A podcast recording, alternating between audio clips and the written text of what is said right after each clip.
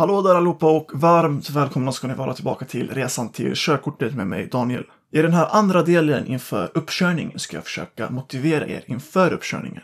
Och jag kommer också att försöka fastställa lite mer sanningar inför uppkörningen. Och jag kommer även att försöka knäcka lite myter som ni kan tänkas ha inför uppkörningen. Så om detta låter intressant så kör vi helt enkelt igång. Hoppa in i bilen, luta er tillbaka, häng med. Det första som är väldigt viktigt att inse när du ska utföra din uppkörning är att inspektören bara vill se att du har skicklighet och erfarenhet i trafiken. Så egentligen, Kärnan i det som du gör på uppkörningen är att visa att du är skicklig bakom ratten samt att du kan förutse risker som eventuellt kan ske på vägen. Och jag sa ju tidigare att det är viktigt att köra väldigt mycket runt omkring där du ska ha din uppkörning. För om du till och med har kört nästan samma rutt som du ska köra på uppkörningen tidigare, då kommer du att ha ett mer lugn och du kommer att vara mer van vid situationen. Så visa alltså bara att du är skicklig och erfaren i trafiken. Och tyvärr, någonting som många kanske inte vill inse det är att inspektören vill egentligen inte kugga dig, utan inspektören och eh, Trafikverket i allmänhet vill att du ska få körkortet.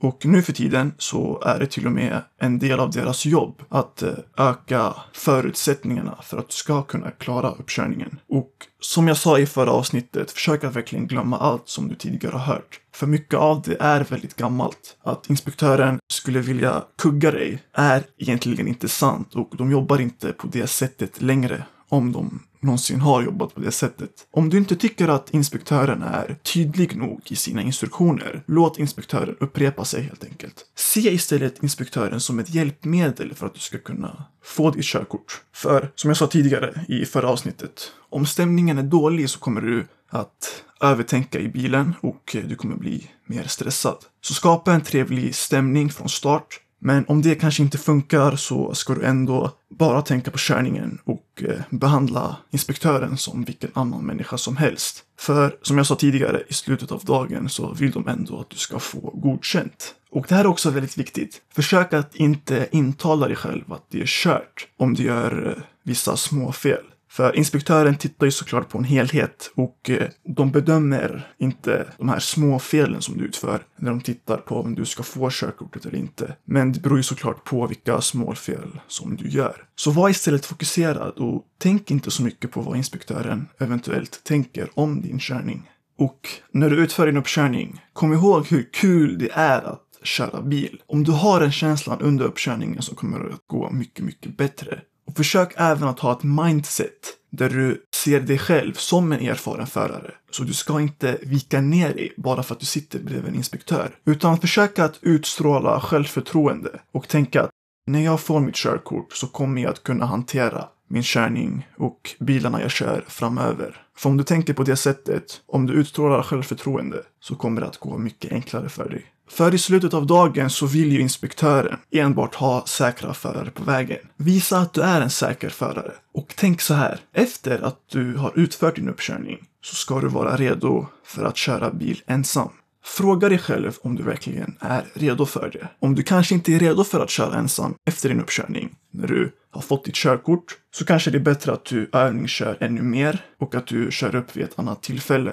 För om man tänker så här, efter att du har fått körkortet så övningskör du ju fortfarande. Men du gör det själv istället. Och om du verkligen är redo för ett körkort så kommer du automatiskt att visa det på uppkörningen. Man kan fortfarande vara nervös och liknande, men om du har en stabil grund så kommer den grunden att eh, visa sig vara starkare än din nervositet och ångest under och inför uppkörningen.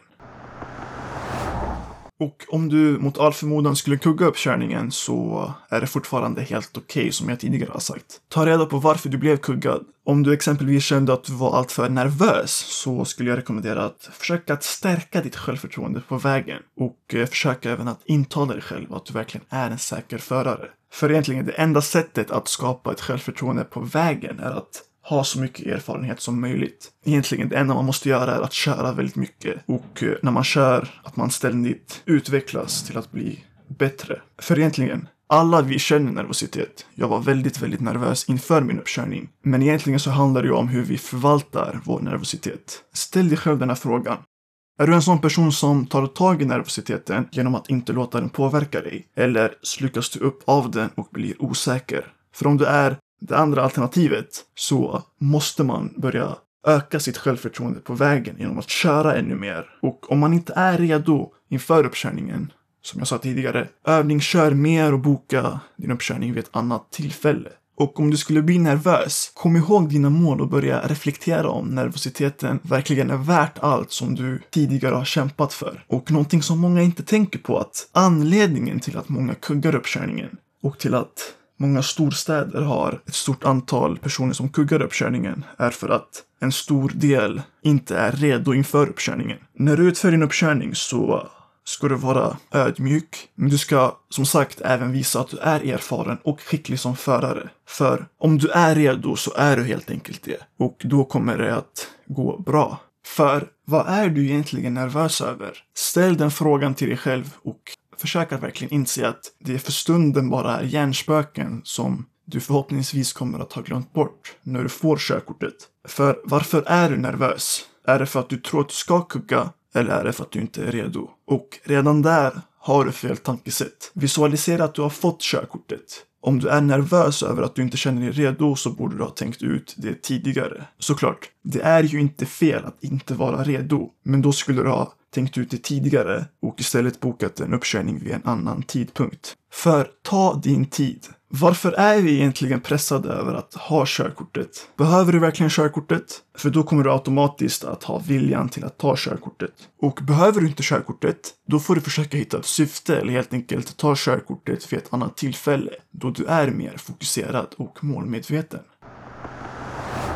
Så det var allting för det här avsnittet. Tack så mycket för att ni har lyssnat på just det här avsnittet och på alla andra avsnitt i resan till körkortet. Det här blir egentligen det sista avsnittet för jag har inget annat inplanerat. Men om jag kommer på någonting att uh, göra ett avsnitt om så kommer jag säkert att göra det. Och om ni har egna förslag så kan ni skriva till mig på Instagram. Min Instagram finns i podcastbeskrivningen i den appen eller hemsidan som ni lyssnar ifrån. Min Instagram är Daniel Klein LFC. Daniel C-L-I-N-E LFC. Om ni kommer på någonting så kan ni skriva till mig på DM. Annars, om jag kommer på någonting så kommer jag säkert att göra ett avsnitt om det. Men tack så mycket för att ni har lyssnat på resan till körkortet. Det har varit väldigt kul att göra denna podcasten och jag hoppas att jag hjälper åtminstone en av er där ute med att kunna få körkortet. Tills dess så får ni ta hand om er. Ta körkortet på största möjliga allvar. Kör försiktigt så kanske vi hörs vid ett senare tillfälle. Det här var allt för mig. Ha det så bra. Hej då.